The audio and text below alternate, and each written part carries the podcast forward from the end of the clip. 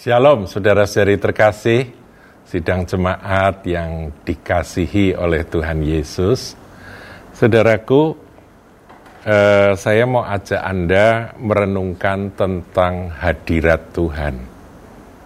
Dan tentunya kalau bicara tentang hadirat Tuhan, khususnya di perjanjian lama, itu tidak jauh dari kehidupan Daud. Ya, Daud ini satu pribadi yang jauh dari sempurna. Dia banyak berbuat salah. Dia juga pernah jatuh sangat dalam. Tetapi Tuhan memberi julukan kepada Daud ini, ya diberi title orang yang berkenan di hati Tuhan. Ya, ini luar biasa, saudaraku. Rupa-rupanya orang berkenan kepada Tuhan itu bukan berarti dia tanpa cacat Nah, kita akan pelajari kehidupan Daud berkait dengan hadirat Tuhan tersebut. Nah, saudaraku, di dalam 2 Samuel 6 ada satu perikop yang cukup panjang menceritakan tentang bagaimana kerinduan Daud supaya tabut perjanjian itu boleh kembali diangkut dan dekat dengan dia. Ya, kita tahu saudaraku di perjanjian lama uh, kalau kita mundur pada zaman Musa, Musa diperintah oleh Tuhan untuk membangun kemah pertemuan atau tabernakel. Nah, di dalam tabernakel itu ya secara sederhana ada tiga, tiga bagian, saudara ya. Kalau dijelaskan secara gampang-gampangan itu ada tiga bagian, yaitu halaman, Kemudian ruang suci itu sudah masuk kemahnya yaitu ruang suci dan ruang maha suci. Masing-masing ada benda-benda yang saya tidak jelaskan karena panjang. Saya ingin bicara tentang ruang maha suci itu adalah tempat yang eh, cukup sempit, cukup kecil dan itu maha kudus namanya ya, ruang maha kudus itu di dalamnya. Jadi setelah ruang suci ada ruang maha suci Nah, ruang mahasuci itu di dalamnya ada satu benda yang disebut dengan tabut perjanjian. Tabut perjanjian, tabut Allah. Kalau saudara pernah nonton film, film itu ya, uh, The Lost Ark itu, uh, Indiana Jones ya, itu menceritakan tentang itu, tapi itu kan dongeng saudaraku itu uh, hanya hanya film ya saudara ya. Nah, tabut itu berbicara tentang tahta Allah atau hadirat Allah. Di atas sayap kedua kerup yang ada di tutup pendamaian, jadi itu kan kotak ya, ada tutup pendamaiannya itu, atasnya ada kerup dari emas, dikatakan bahwa hadirat Tuhan itu ada di sana. Apa yang disebut dengan Shekinah glory atau kemuliaan Allah itu dinyatakan di situ. Nah Tuhan berbicara kepada umatnya itu dari situ, begitu ya, itu gambarannya.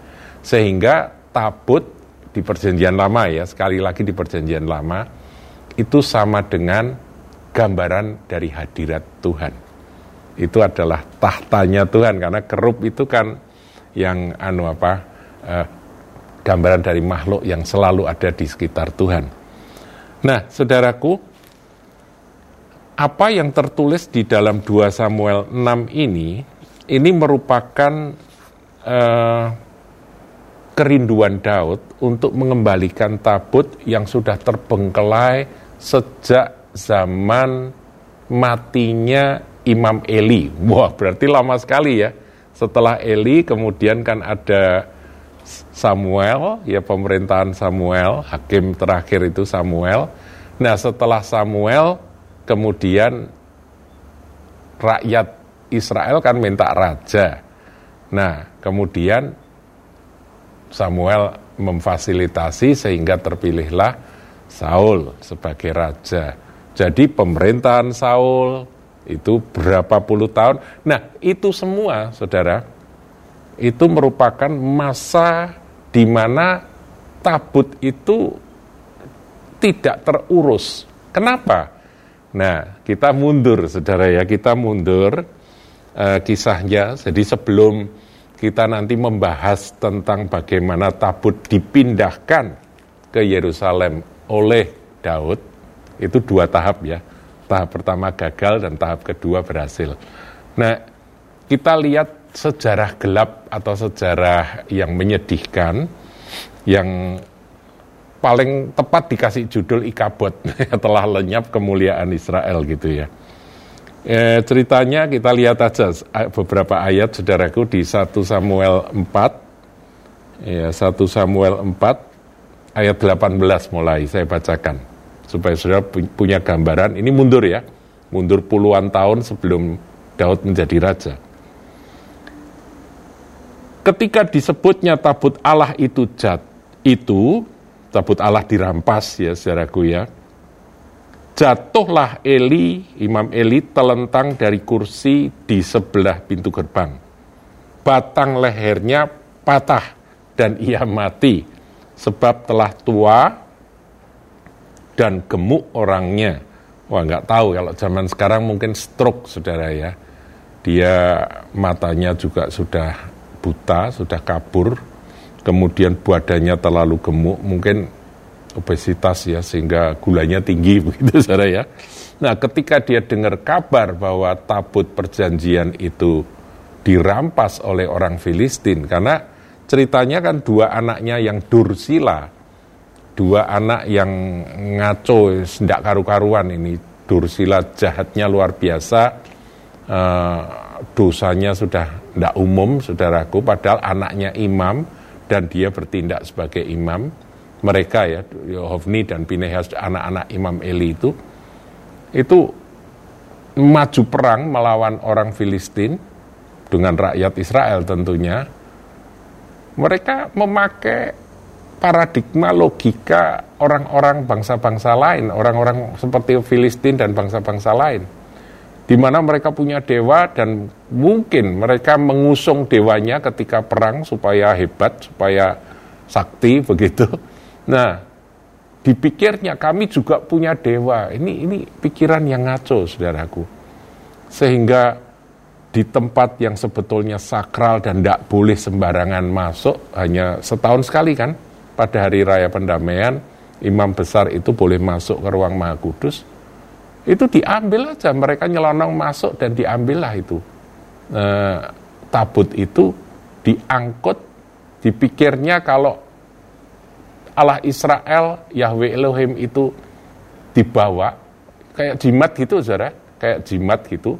Kayak dianggapnya ini gotong sesuatu yang sakti begitu ya keluar pasti mereka akan menang. Akibatnya apa? Karena ini orang-orang berdosa, orang-orang yang tidak bertobat, Hofni Pinehas mati, kalah Israelnya, tabutnya yang begitu sakral yang begitu di, di apa mestinya harus dijaga sungguh-sungguh malah dirampas oleh orang Filistin dan laporan itu disampaikan kepada Imam Eli. Eli tidak kuat lagi menanggung akan berita yang mengerikan itu. Tensinya naik, stroke jatuh, saudara. Lehernya patah. Nah, kemudian ayat 19. Adapun menantunya perempuan, istri Pinehas, sudah hamil tua. Ketika didengarnya kabar itu bahwa tabut Allah telah dirampas dan mertuanya laki-laki serta suaminya telah mati, jadi ya bertubi-tubi ya. Dia dengar kabar suaminya itu istri Pinehas sudah. Suaminya mati perang ya di medan pertempuran. Duduklah ia berlutut lalu bersalin sebab ia kedatangan sakit beranak. Hamil tua dia memang. Ketika ia hampir mati, berkatalah perempuan-perempuan yang berdiri di dekatnya, janganlah takut sebab engkau telah melahirkan seorang anak laki-laki tetapi ia tidak menjawab dan tidak memperhatikannya. Ayat 21, ia menamai anak itu Ikabot. Katanya telah lenyap kemuliaan dari Israel karena tabut Allah sudah dirampas dan karena mertuanya dan suaminya. Mati semua, ya kan? Ayat 22 katanya, telah lenyap kemuliaan dari Israel sebab tabut Allah telah dirampas. Saudaraku, kalimat ini perlu kita ingat, perlu kita uh, pelihara, saudara. Kalau tabut telah dirampas, maka lenyaplah kemula, kemuliaan dari Israel. Nah, kita sebagai umat Israel rohani, karena kita umat perjanjian baru, dan tabut itu maknanya adalah kehadiran Tuhan, maka kalau orang Kristen kehilangan hadirat Allah, maka lenyaplah kemuliaannya. Dan malapetaka yang terjadi, ya, ini istri Pinehas juga akhirnya mati. Nah, kemudian kan kita tahu ini sejarah gelap di mana orang Israel itu kehilangan tabut. Dan tabut itu oleh orang Filistin yang menang perang dan mereka merasa bisa mendapatkan Allahnya orang Israel. Kan dipikir Allahnya orang Israel itu dalam bentuk uh, sesuatu kan begitu ya. Wah, tabut inilah Allahnya orang Israel dipikir begitu. Padahal bukan. Tuhan aja yang menetapkan kalau dia uh, ingin ketemu dengan umatnya, dia memakai sarana tabut itu sebagai sesuatu di mana di situlah dia akan berbicara kepada umat Israel. Dia hadir dan berbicara sehingga tabut itu digambarkan sebagai tahtanya Tuhan, di mana Tuhan kalau hadir dia bertahta di situ. Nah, saudaraku, ketika itu dibawa, kemudian dipikir ini salah satu dewa yang cukup sakti dari dari orang Israel dimasukkan di kuil Dagon ditaruh di sebelahnya patung Dagon patung Dagon itu dewanya orang Filistin yang gambarnya itu kepalanya itu anjing begitu saudaraku ya nah itu ditaruh di sebelahnya nah, ini penghinaan luar biasa ya dan umat Tuhan memang tidak tidak tidak berdaya karena mereka sendiri juga ngawur, mereka juga salah. Akibatnya ya Tuhan membela dirinya sendiri. Keesokan harinya dagonnya jatuh. Ya, seperti nyembah di hadapan tabut Tuhan itu. Itu ada di pasal 5 ayat yang ketiga. Ketika orang-orang Asdod bangun pagi-pagi keesokan, keesokan harinya, tampaklah Dagon terjatuh dengan mukanya ke tanah di hadapan tabut Tuhan. Lalu mereka mengambil dagon dan mengembalikannya ke tempatnya. Didirikan lagi. Ditaruh lagi di tempatnya.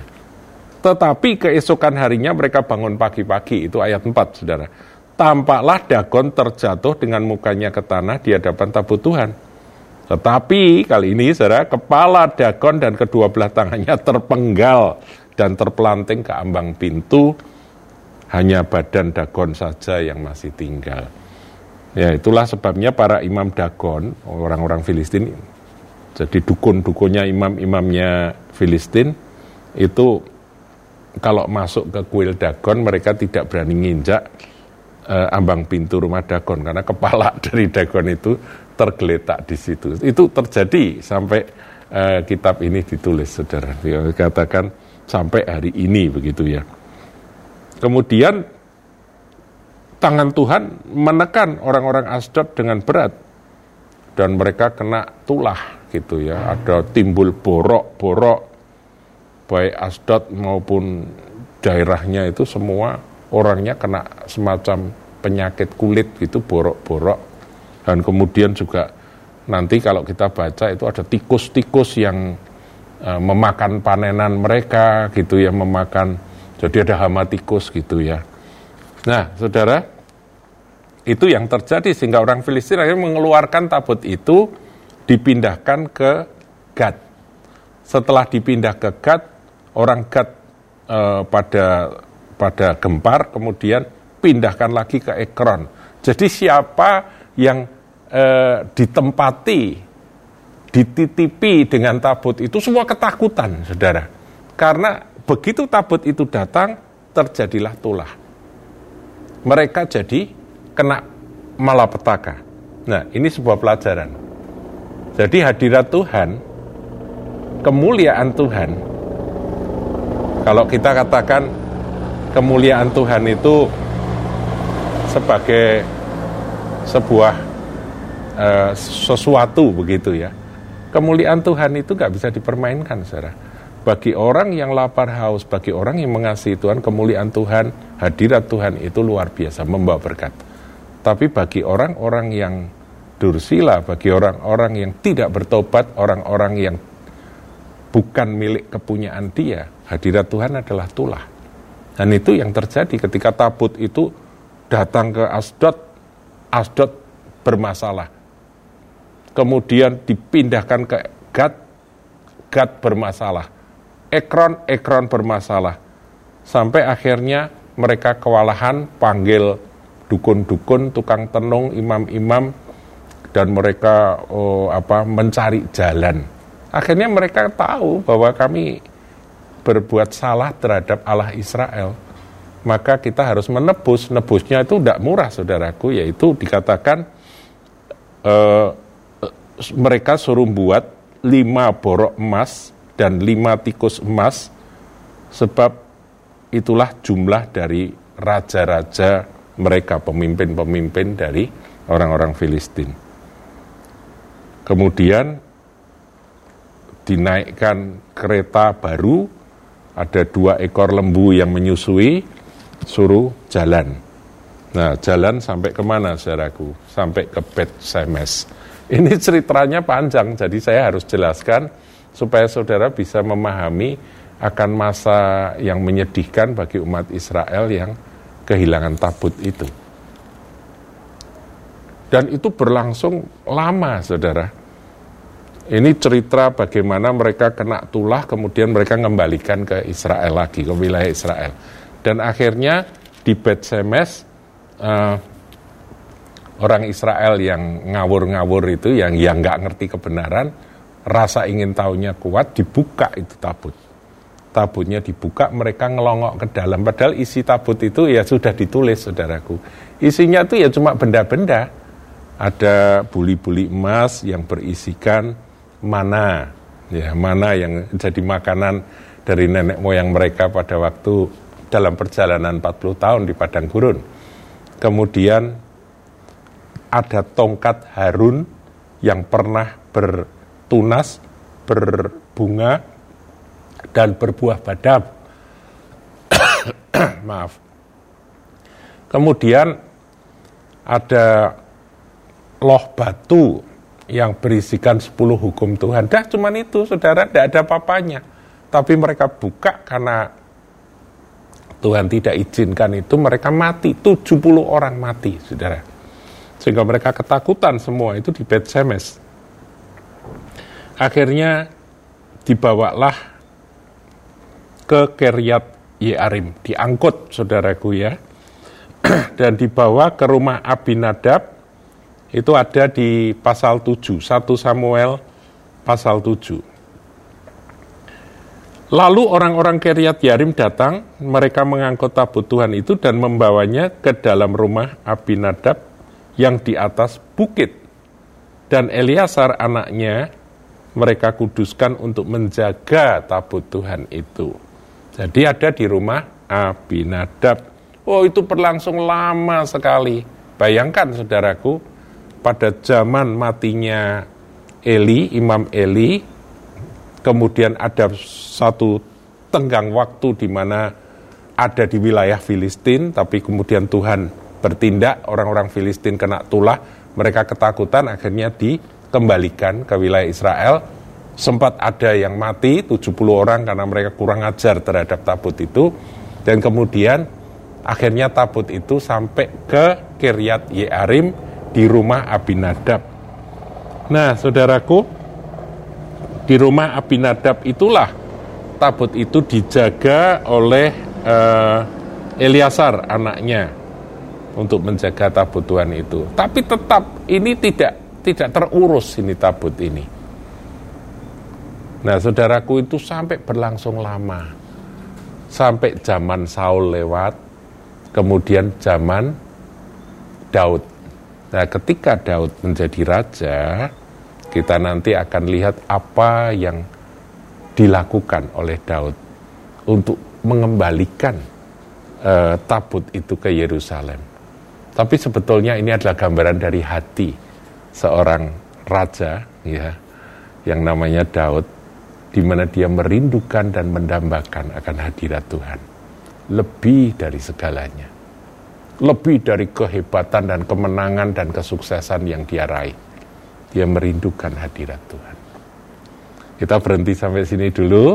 Nah, besok kita akan lanjutkan, saudaraku, tentang bagaimana tabut itu dibawa oleh uh, oleh Daud ke Yerusalem. Tuhan Yesus berkati.